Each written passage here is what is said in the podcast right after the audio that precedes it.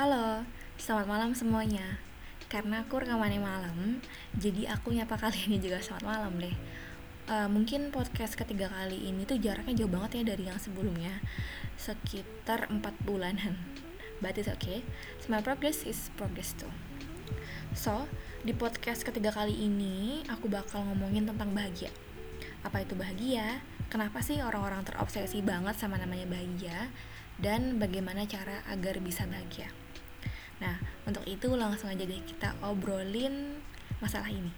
Well, well, well, buat maintenance, kapan teman-teman maintenance ngerasa bahagia? Pas lagi makan enak kah? Pas lagi hangout sama teman-teman dan keluarga mungkin? Atau pas lagi kadel gitu sama pasangannya?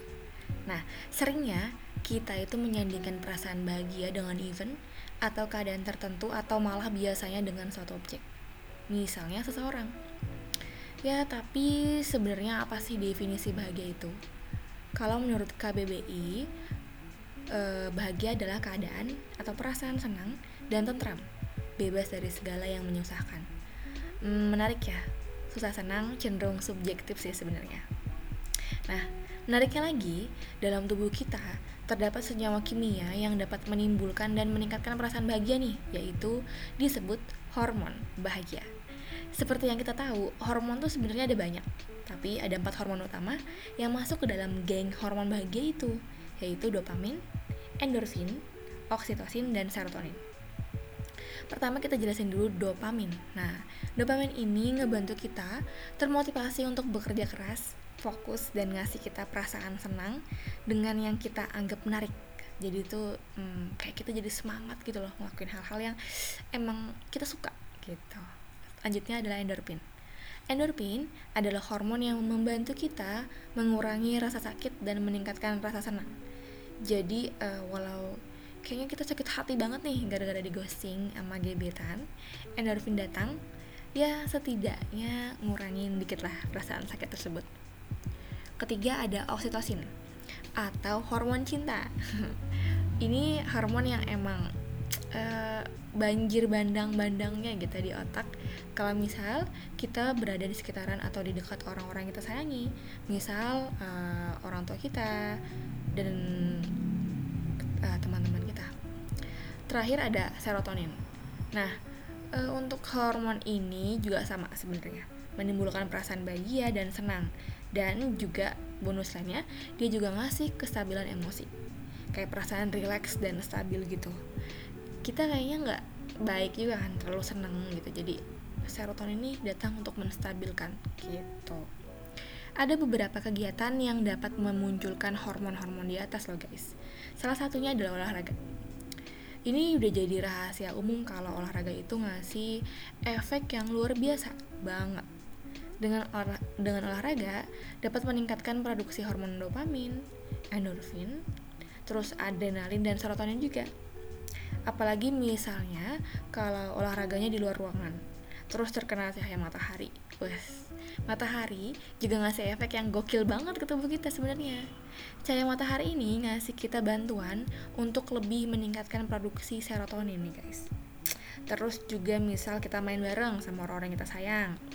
Sambil dengar musik misalnya Eh, banyak banget sih sebenarnya. Nah, itu cuma beberapa aja ya. Banyak lebih banyak lagi kegiatan-kegiatan yang dapat meningkatkan produksi hormon-hormon bahagia tadi. Sebenarnya ini jadi nge-recall uh, apa pengalaman aku.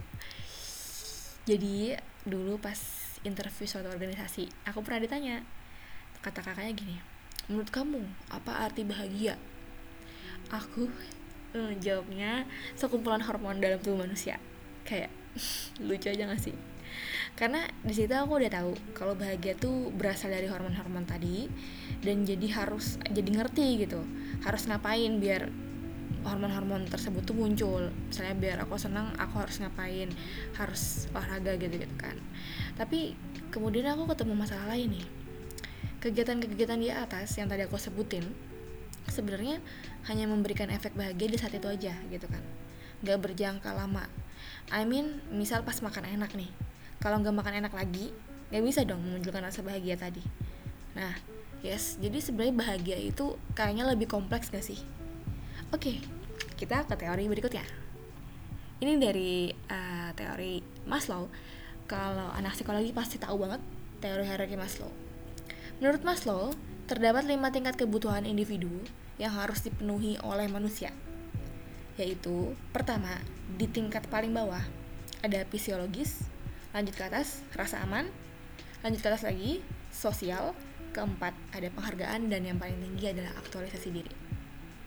Jadi uh, setiap individu tuh perlu nih memenuhi kebutuhan tadi dulu baru muncul rasa bahagia tersebut. Pertama ada kebutuhan fisiologis atau kebutuhan dasar ini tuh contohnya kayak kebutuhan kayak minum makan tidur oksigen dan lain-lain.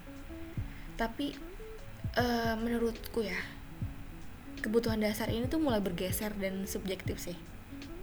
Tapi kalau misalnya kita bisa ngomong kebutuhan dasar kita tuh makan minum tidur gitu kan. But untuk memunculkan makan minum tidur kita butuh apa? Uang. Kayaknya uang jadi uang tuh udah jadi apa ya suatu kebutuhan gak sih untuk setiap orang?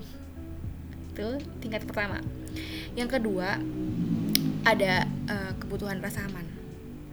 Kalau kebutuhan mendasar cenderung dapat terpenuhi maka nextnya itu kita akan mencoba untuk memenuhi kebutuhan selanjutnya yaitu rasa aman. Uh, rasa aman yang dapat dikategorikan sebagai berikut. Jadi kita tuh ngerasa aman keamanan kemantapan ketergantungan perlindungan kebebasan dari rasa takut dari cemas dan kekalutan kebutuhan akan struktur ketertiban hukum batas-batas kekuasaan pada diri pelindung dan sebagainya. Aku kasih contoh. Misalnya kita tinggal di sebuah kompleks.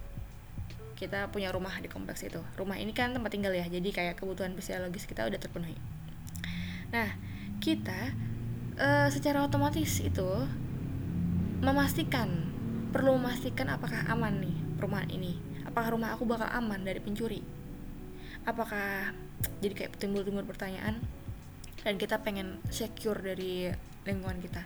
Apakah aman? Apakah peraturan kompleks tersebut dapat dipertanggungjawabkan? Dan lain-lain.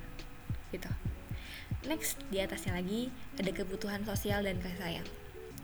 Nah tadi kalau misal kebutuhan dasar dan rasa aman tuh sudah terpenuhi kita akan coba mengisi kebutuhan selanjutnya nih. Misal gini pas kita sudah dapat memastikan uh, bahwa kompleks, bahwa perumahan, bahwa sekitaran rumah kita atau tersebut dapat dipertanggungjawabkan ke keamanannya, kita akan mencoba untuk bersosialisasi, bergaul gitu kan, nyari nih uh, mana ya atau tetangga aku mungkin ada gitu yang sefrekuensi gitu kan, bisa diajak nongkrong atau malah bisa jadi jodoh gitu kan, gitu.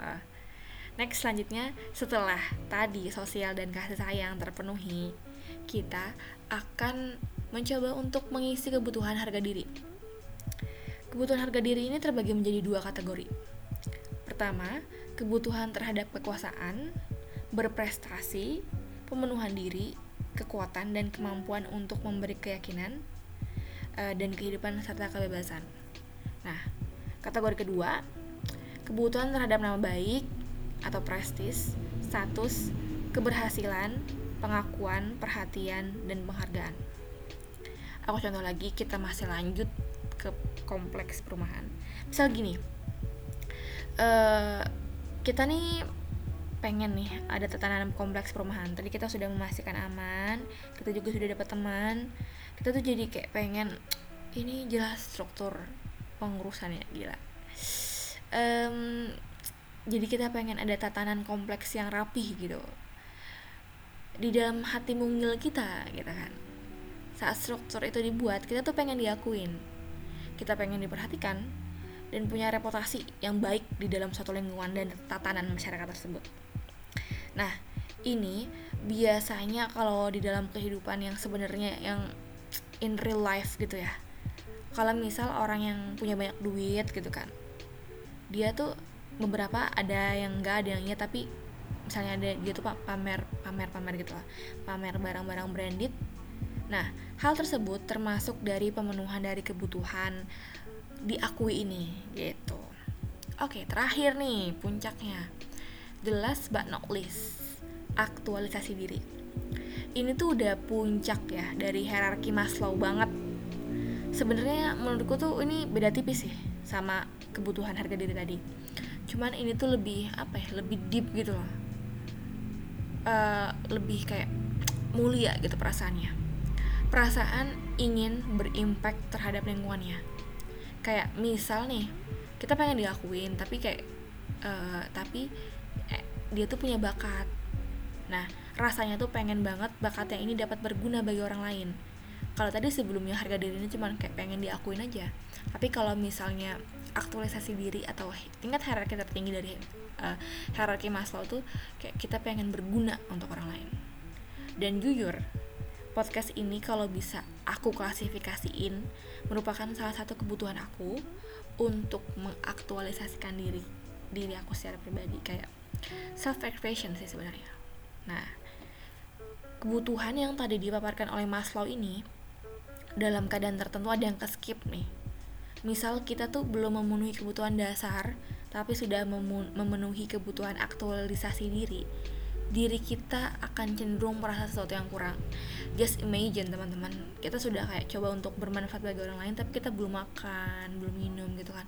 Itu pasti kita bakal terdorong untuk uh, melakukan hal-hal dasar dulu. Gitu. Nah mantaners gimana nih? Sudah dapat pencerahan belum? Apa itu bahagia sebenarnya ya kalau ngomongin bahagia itu tuh benar-benar kompleks dan subjektif banget sih. Namun harapannya setidaknya dengan mengetahui beberapa insight dan fakta tadi kita sama-sama dapat mengidentifikasi apa kebutuhan kita gitu. Dan hal apa yang dapat membantu kita untuk menemukan uh, bahagia sejati versi kita masing-masing dan memaknai bahagia uh, cuman hanya sekedar perasaan doing atau kalau versi aku tuh sekumpulan hormon doang. Nah so menurut kamu apa itu bahagia? Satu dua tiga. So nggak kerasa sudah. Uh, 10 menit berlalu. Aku nggak sabar untuk ngobrolin topik yang lebih gokil lagi nantinya. Aku bakal spill sih. Uh, kalau gak ada halangan nih di episode selanjutnya kita bakal bahas sesuatu yang agak aku singgung sebelumnya. Nah judulnya adalah apakah uang dapat memberi kebahagiaan? Kalau maintenance tertarik dengan uh, judul tadi jangan lupa dengan podcast aku selanjutnya. Oke okay, bye bye terima kasih